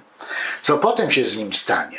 Czy on według konwencji genewskiej był prześladowany jako konkretna osoba, czy też po prostu no, nie podoba mu się tam, gdzie jest? To są już inne historie i o tym mogą rozstrzygać jakieś legalne ciała. Natomiast e, w Polsce w tej chwili jest jakaś dziwaczna panika, że teraz będziemy musieli koniecznie wojować. Niestety z silnym przyzwoleniem Europy, że lepiej, żeby w ogóle nie weszli do terenów europejskich, niż żeby z nimi mieć kłopot z odsyłaniem potem. To jest też moralnie takie nie do końca, moim zdaniem, do usprawiedliwienia, ale jest to sytuacja dość niezręczna dla Bo wszystkich. tutaj polityka wartościowuje, która nacja, który, który No tak, która ale to ludzi jest, to, jest, to jest bardzo często właśnie w grupowej Potrzeby, wolności. Moja grupa jest wartościowa i nasze, na przykład narodowcy mówią, my jesteśmy my, my powstajemy z kolan, my będziemy, nie będzie Niemiec plumł nam w twarz, tylko my jemu i to jest to główne, najważniejsze. A cała reszta się w ogóle nie liczy. Jeżeli przyjmiemy taki punkt widzenia, to jesteśmy gdzieś straceni jako ludzie wolni, bo po prostu jesteśmy zupełnie gdzieś na Nie no, odludziu. prawo przestało działać, powiedzmy wprost. Nie? Poza tym ci ludzie w większości oni wcale nie chcą do Polski, oni chcą dalej. Tranzycja, tak, tak. Oni chcą dalej. Czyli właściwie rozwiązanie dla Polski najprostsze by było postawić tam autobusy i zawiesić wszystkie na następną granicę. Co by się Łukaszenka. Nie. No, Nie, to byłoby Dokładnie. najprostsze. Z, ty, z, z, tym, z tym, że ponieważ tam jest granica EU, więc nie da się tego zrobić. Zresztą nie, naprawdę nie, nie wiem, jak podejść do tego do nich jako do, do czystych ludzi, do, do, nie do sprawy politycznej. W jaki sposób można w ogóle tym ludziom pomóc prawnie, tak żeby nie łamać samemu prawa. Na pewno muszą być jakieś możliwości, które są w tej chwili obywatelom Polski właściwie zabierane przez na przykład stan wyjątkowy. Także A ten stan wyjątkowy obowiązuje 5 km od granicy. 15. Czy 15? 15 Nie, właśnie. 15. No dobrze, ale on, ci ludzie nie przechodzą przeważnej tej odległości, oni są wcześniej wyłapywani. No dobra, I nie wiadomo, co się z nimi dzieje, bo Nie, właściwie nie, na nie, terenie ale Polski oni jest powinni być w Polsce. Problem, bo to wiesz, po prostu gdyby tych uchodźców przepuszczono przez granicę, tych, tych, tych drutów nie, nie stawiano by, to by był problem wtedy absolutnie polski. A jak oni jeszcze są Nie, wtedy byłby europejski. Bo europejski, Europejski, nie europejski, europejski, tak. no polsko-europejski, a dopóki oni są po białoruskiej stronie, to jest problem Białorusi. Ale jak, jak robią to Litwini? Litwini mają obozy przy... Nie, to samo. To samo też mają tym, którym się udało przemknąć przez. No, ale, przez ale tym, co w. Polsce się udało, się wywozi z powrotem do lasu. Nie, nie wszystkich, nie wszystkich. No, ale Ale jednak, No. jednak i na przykład o wojska apelowała, bo ten stan wyjątkowy, ta, ten margines 15 kilometrów jest między innymi zrobiony y, po to, żeby Europa, która niechętnie patrzy na nowy napływ emigrantów, nie wiedziała prawdy. I dlatego reporterów się nie dopuszcza. To jest między innymi dlatego, ale Frontexu o, się nie o dopuszcza. wojska apelowała. Toż ludzie, pozwólcie nam chociaż i namioty, jedzenie, lekarzy, którzy są gotowi, zgłosili się, żeby nie i nie. No to Nie, gdzie to tu jest nie, chrześcijaństwo, jest pomoc, humanitaryzm? Nie, pomoc jest, to są, oni są zaproszeni, że tak powiem, wpuszczeni do Białorusi i prawnie Polska oferuje wszelką pomoc na, dla tych uchodźców na obszarze Białorusi. O wojska powiedziała, z pomocą jeździła do Iranu, do Iraku, No. do y, wszędzie została wpuszczona. A tu, A do Białorusi? a tu nie może. Nie, w Polsce z nie jest w stanie pod granicę Nie jest w stanie jeść, bo, bo z powodu tych stanu wyjątkowego i tych 15 km nie wpuszczą koniec. I ona nie jest w stanie w Polsce tam dotrzeć z pomocą. te 15 Tu km jest, e, przed paranoja. jest to samo, co Niemcy nazywają Niemandsland? nie, nie. Nie, to jest To zupełnie Nie, to jest, to jest strefa nadgraniczna. Aha, okej. Nie, nie, to, to Ani jest też ta, reporterzy, ani pomoc, nikt tam nie jest puszczany. I o to chodzi. Ale Pols w polskiej telewizji pokazywali się zastanawiali nad tym, jak to jest, że na przykład Polska ma niewielką granicę między Polską a Białorusią, a między y, Litwą a Białorusią jest o wiele, wiele dłuższa ta granica i ona nie jest tak bardzo szczerzona. Nie ma żadnych zasieków i Są, są, są. ale nie ma aż tyle. I że o wiele łatwiej jest przejść po prostu do Litwy, a z Litwy jest po prostu łatwo przedostać się do Polski. Przecież były apele, żeby się zebrać i w ileś tam samochodów tłumnie Szturmować. jechać, anestezjolodzy, lekarze, y, pomoc i, i y, po prostu wbrew temu stanu wyjątkowemu, żeby jechać i tym namioty im zawieźć, koce Ale gdzie? Do Białorusi? Kto ich wpuści do Białorusi? w tych lasach tak, nie ma tam tak. ludzi. No co ty mówisz? No to jest, przecież jakby oni byli już po polskiej stronie. no są po polsku. Są No, no to i co, co? w tym problem. W tym jest problem, że to W tym jest my cały czas mówimy nie o tych ludziach, co są na Białorusi, Tylko o tych, bo co tam nic właśnie- nie możemy zrobić. No. Ale tam możemy właśnie- coś zrobić u ludzi, którzy dwa metry przeszli przez tą linię. Tak. No tu są już w Polsce. Tak, to tak. ja, ja tego nie wiem. więc No i to jest tu, no. tu jest no, właśnie ten dylemat. jak byłem w. Białymstoku, jak byłem w Białymstoku i tam rozmawiałem z ludźmi, wiesz, czy tam znajomi, którzy mieli z, znowu znajomych, którzy w tych służbach przygranicznych pracują. To tak, to mówi, że cały czas wszyscy są po białoruskiej Marku. stronie. Są zdjęcia satelitarne, Marku, tak. jest, jest, jest, Dobra, wszystko, wszystko jest tak. udowodnione, tutaj nie ma o czym Te rozmawiać. dzieci, co w Michałowie były, No, W Polsce. zniknęły. Patrz jaka temperatura. O to mi chodzi. to by było. No ale tu jest Marku. No, o tym rozmawiamy, Marku, cały czas. Właśnie Ja nie mówię o Białorusi. ja przekierowałam ten temat.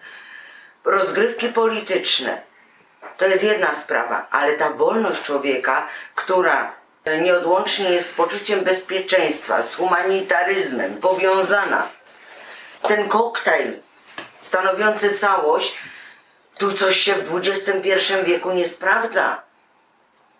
I jeżeli odejmiesz ten element polityczny, to cała reszta, Całe, że Polska jest krajem chrześcijańskim.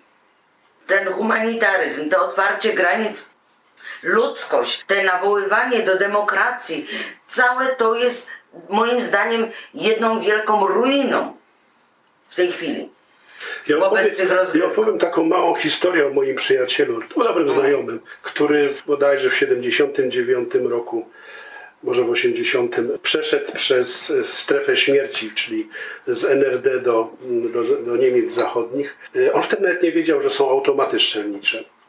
Miał z przodu jedną dużą poduszkę, z tyłu jedną dużą poduszką przewiązaną paskiem i szedł.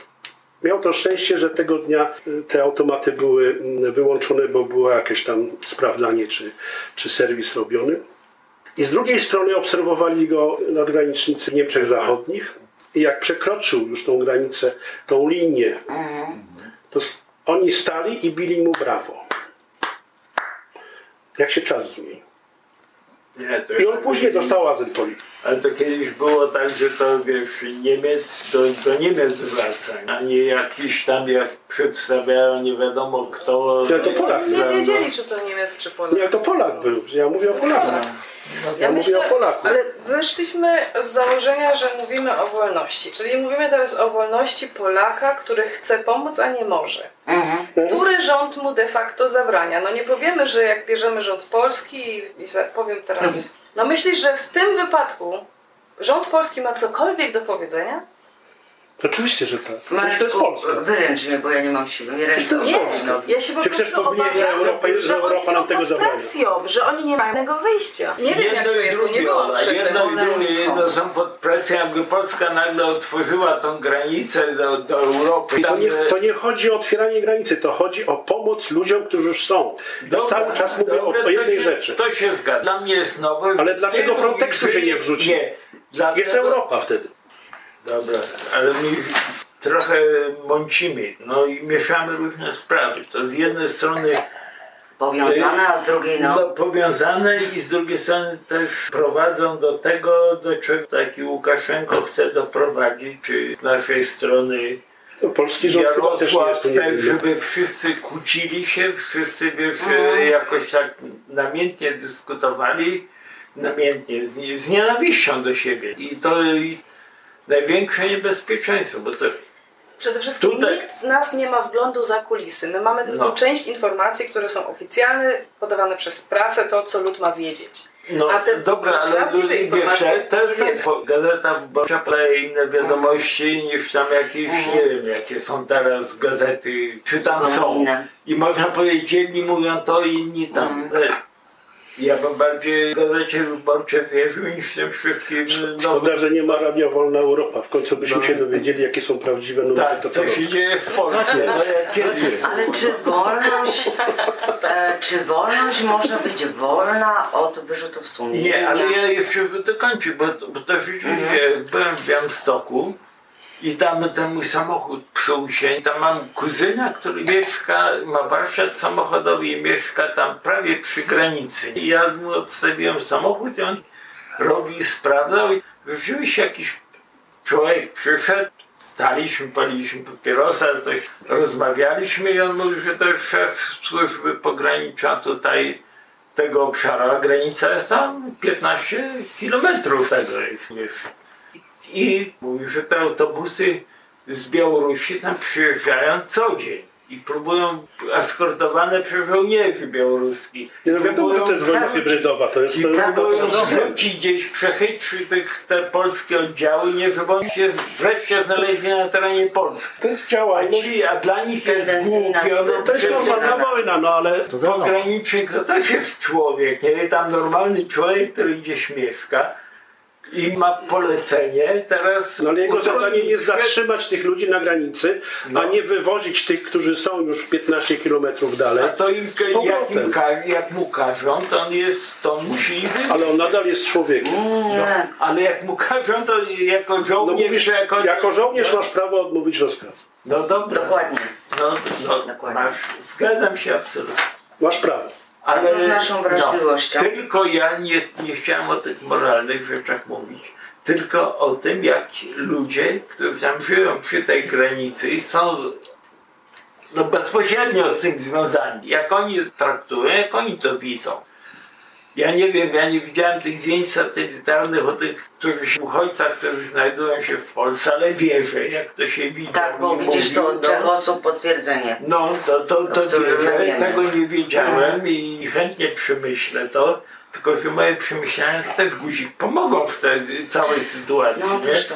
Ale wiesz, jest coś takiego jeszcze, że w tej chwili jest tam takie prawo, że e, ty będziesz karany, jeżeli takiego człowieka weźmiesz do samochodu Tak. i go gdziekolwiek przewieziesz. Ty możesz go włożyć do samochodu i w tym momencie zadzwonić po mm, straż.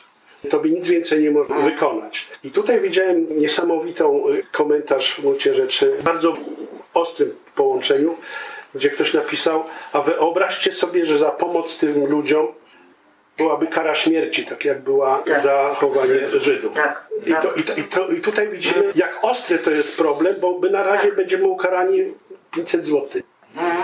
No, ale zawsze A kiedyś, wzrosnąć, tak? a, a kiedyś, y, kiedyś po prostu by cię rozstrzelali. Tak. A mimo to byli ludzie, których dzi- dzisiaj chwalimy pod niebiosa, którzy tych ludzi ratowali. Tak. Czyli co będziemy za chwilę mówić o tych ludziach, którzy dzisiaj pomagają i są wrogami ludu, tak naprawdę, według propagandy, która leci w kraju. No to jest straszne, słuchajcie, to jest straszne właśnie dlatego ja przepraszam, ale mnie to z, od, od jakiegoś czasu spędza sens powiek, bo to jest dylemat XXI wieku. Myśmy to przeżyli. To znaczy z opowiadań naszych dziedziców, naszych krewnych, którzy przeszli drugą wojnę światową. Wiesz co, ja, ja sam jestem uznanym uchodźcą.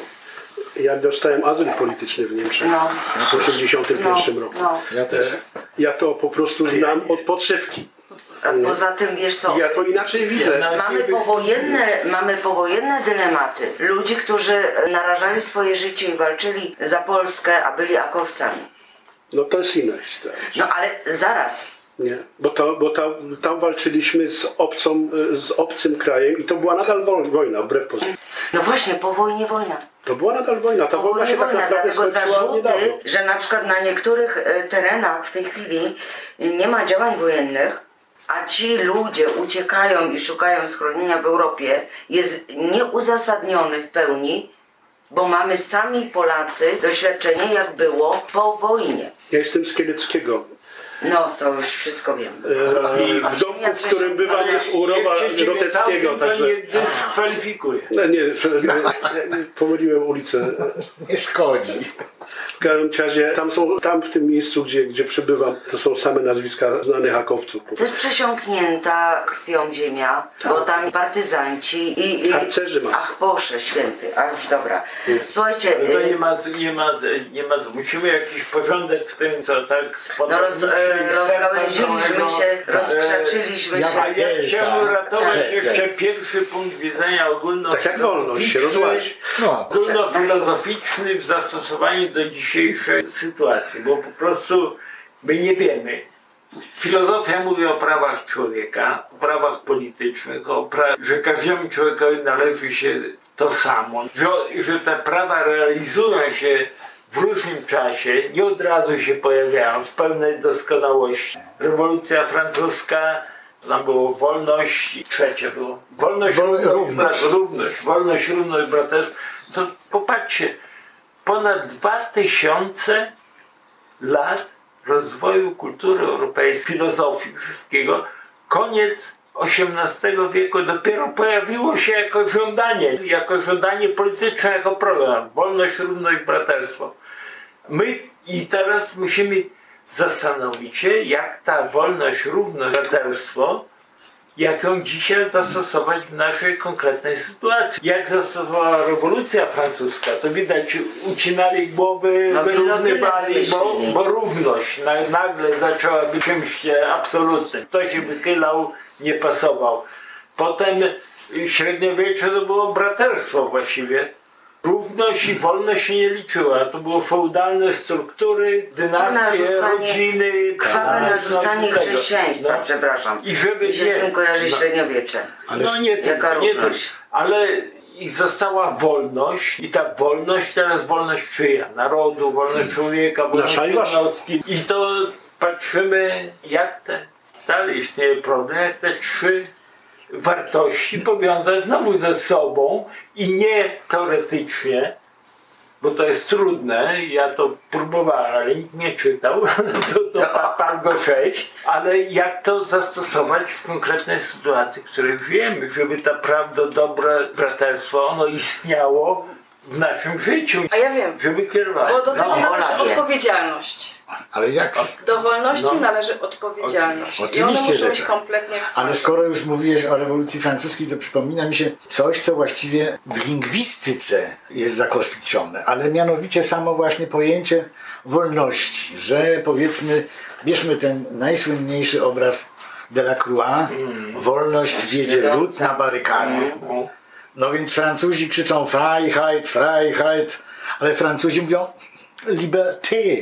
No to niekoniecznie. A z kolei widzisz, cała Polska krzyczy wolność, wolność, a z wyjątkiem Ale pan- Wilna, które mówi zupełnie inaczej. No rozwolnienie.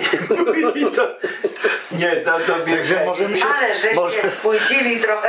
nie jak taki Kaczyński mówił, możemy, żeby tak ja strasznie nie umieram A mogę, a mogę troszeczkę wrócić do takiej wolności ograniczonej moralnością. No No oczywiście. to cały czas o tym mówimy. Znaczy, znaczy to ja, Ale ja, to ja, jest- głupia, ja nie. głupia jestem. Nie, nie jesteś głupia, to jest, Jesteś wolny. tak powiem, jest, że moralność nie jest ograniczeniem wolności, a jest warunkiem nawet wolności. Że, Albo przeszkodą. I też się nie, nie. łączy z odpowiedzialnością. No więc wła- o tym, o tym. Ola jest O tym, o tym, dokładnie o tym. Mogę? Ale czy wolny lew ma jakąś moralność? Nie rozumiem. Nie, ale ma odpowiedzialność. To, to, to ja Za zaczynam. siebie i Dobra. potomków. Bóg JC za firanką. Bóg JC w oknie u sąsiada. U mnie parę przekleństw wyczerpanych, lecz ciągle głośno muzyka gra. Sąsiad przeze mnie nie śpi, a ja i mój cień lubimy noc. Naprzeciw, za firanką, obudzony Bóg. U mnie jeszcze przedczas i kot czarny na siedem żyć i jakieś tam przetrwanie. Bóg JC z okna u sąsiada podobno umarł za moją wieczność. Sam nie wierzył w siedem żyć i czarnego kota. Widziano, że sąsiad pomagał mu nieść krzyż. Ja jeszcze nie gaszę światła. Nie wierzę w okna. Naprzeciw. One tylko z zafiranki wytykają sąsiedzki dług. Brawo. Pięknie. JC to jest mnie Jezus Chrystus. No oczywiście. Tam, to, Oczywiście. Zanim skojarzyłem, to trochę trwało, przepraszam. A mogę też, wiesz, teraz Tak. aktualny też. Super. Nazywa się Babie Lato. Wilgoć, trochę wątpliwości. Pajęczyny, jabłka, gruszki. Rytm uchyla księżyc w oknie, już herbatka do poduszki. A budziki drą się w mroku, chłodem wita nas ulica. W mleku kąpie się wschodząca dnia nowego tajemnica. Wdzięcznie zbieram każdy promień i odziewam się w kolory, a wiewiórka skacze zwinnie z zapasami do swej nory. Babie lato, jeszcze kwiaty. Słodkie ciepło się przebija, woda błyszczy, światło gaśnie i wszystko szybciej przemija. To ma być tylko taki przerywnik, piękna piosenka o jesieni.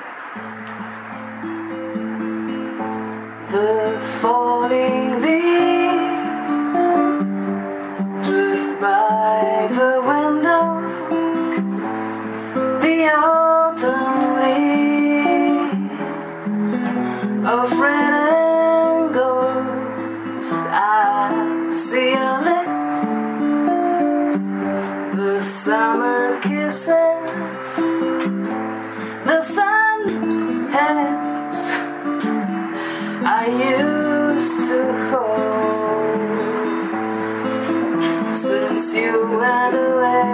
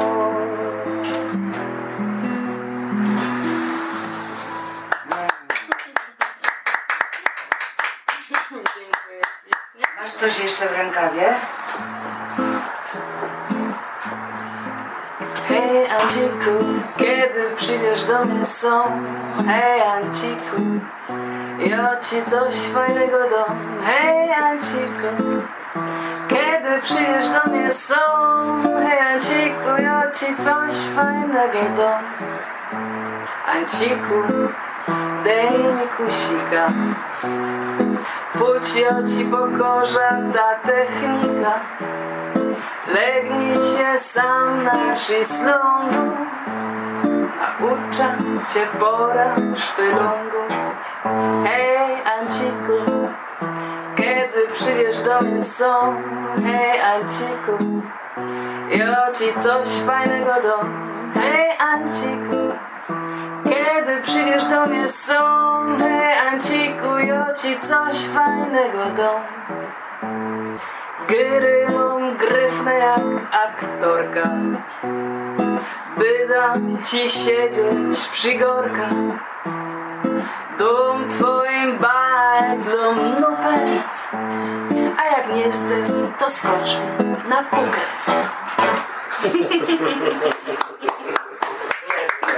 Bardzo ładnie. Słuchajcie, jak tak jesteśmy pauzowato odsunięci od tematu wolności i tych całych wirania na kawałki, wszystkich tych e, rzeczy, to a propos humanitaryzmu. Popularną sprawą jest Owsiak i jego wielka orkiestra. Ale ludzi dobrej woli jest e, Lecz ludzi dobrej woli jest więcej I dobrze. Że ten świat właśnie, nie zginie nigdy. dokładnie. Dzięki nim. Ludzi dobrej woli jest więcej. Wzruszający temat a propos tych ludzi dobrej woli.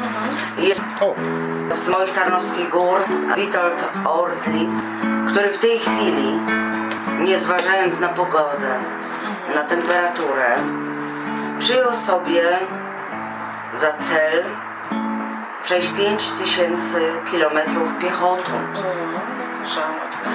Idzie z północno-wschodniego krańca Polski do Gibraltaru. Przeszedł już całą Polskę, Czechy, Francję, Niemcy, Francję i podąża na piechotę naprawdę.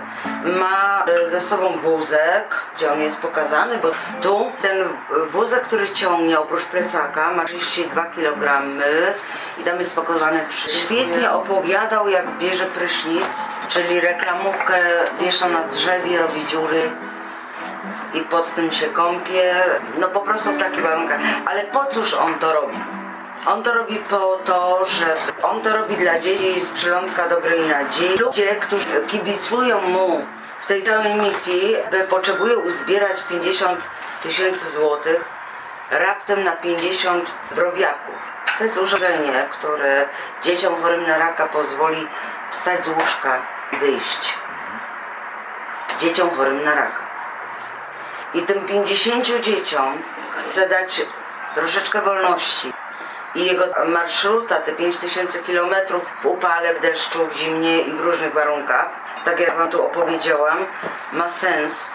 I Wituś prosi wszystkich ludzi dobrej woli, e, żeby no jak się wyjdzie na drogę na ratunek, tam jest konto, żeby wpłacić.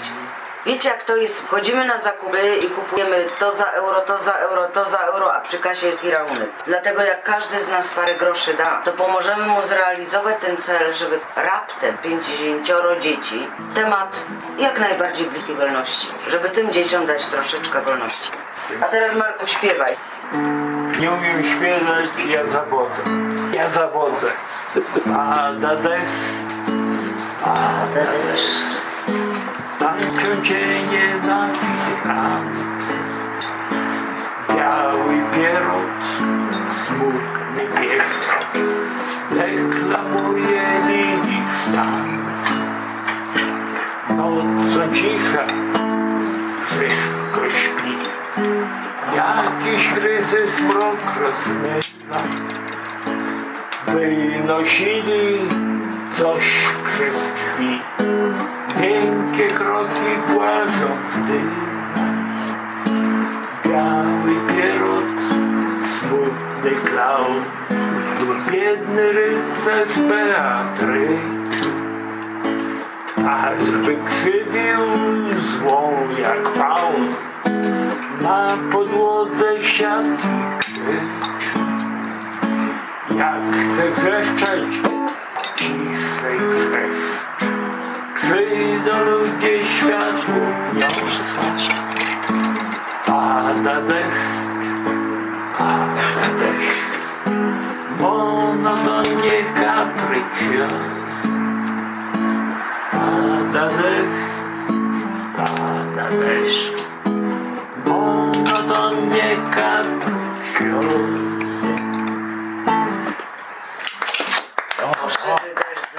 Deszcz dzwoni jesienny. Pada deszcz, pada Leci, szczęściem zostały skrzydła do odlotu.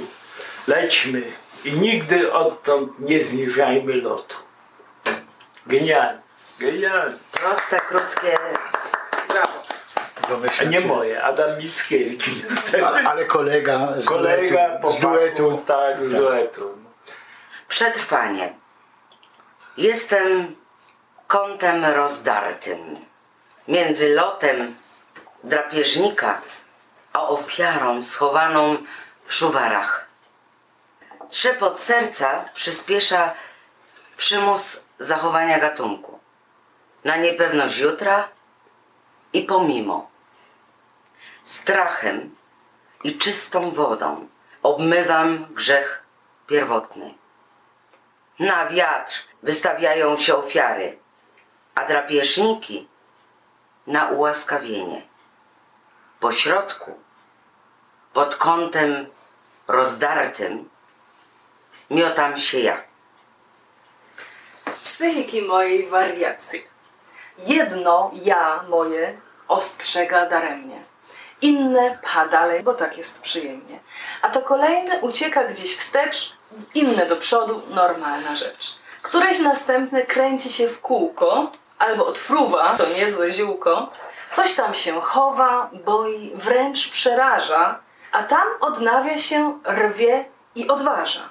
Coś się odkleja, ściska, rozlewa. Inna część mnie to wszystko olewa. Wraca tymczasem, coś powspomina, po czym wypiera się i zapomina.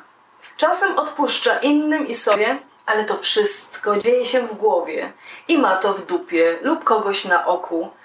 Otóż tak dzieje się na każdym kroku. Lecz wbrew pozorom to wszystko jedno. Bez fragmentacji, całość, jedność, sedno, bo różnorodność temperamentu kobiety robi aż taką falę zamętu. W tym zamęcie. W tym zamęcie, żeby sobie dać radę. Tresura. Niech mnie tresują jak psa. Niech każą za zło, ale głaszczą za dobro. Wtedy wszystko będzie bardziej sprawiedliwie, bardziej proste. Jest we mnie chaos i bunt. Nikt mnie nie głaszcze. Niesprawiedliwość jest życiem, a ja chcę prostego, zrozumiałego raju. Jestem człowiekiem. Niech mnie tresują jak psa. Z tą tresurą chciałam właściwie spuentować, ale przed tobą, Olu, bo ty szukasz teraz riposty, E, Szukam piosenki. zbytek. W mojej drodze do Emaus uczę się rozpoznawać ludzi. Na miejscu kupuję kilka garści wiary i cały korzec zaufania, nie rozdrabniając go na drobne. Boże, ależ tu drogo. Dobra, myślę, że zakończymy tą całą debatę o wolności Johnem Lennonem. To znaczy zakończymy pierwszą część, czy drugą część, bo żeśmy w 2018 roku już podjęli ten temat, ale myślę, że teraz to tak nabrzmiało, że zrobimy cykl e, spotkań, co najmniej dwóch, trzech jeszcze, właśnie na temat wolności kolejnych. I na nie Państwa zapraszamy, a Olesztek prosimy, żeby spuentowała ten wieczór dzisiejszy. Johna Lennona. Spróbuję, bo dawno tego nie grałam, a nie mam tutaj napisanych akordów. Ty wszystko Ale możecie potrafisz. śpiewać ze mną, bo to taka piosenka, którą Będziemy? każdy zna. No, spróbujemy.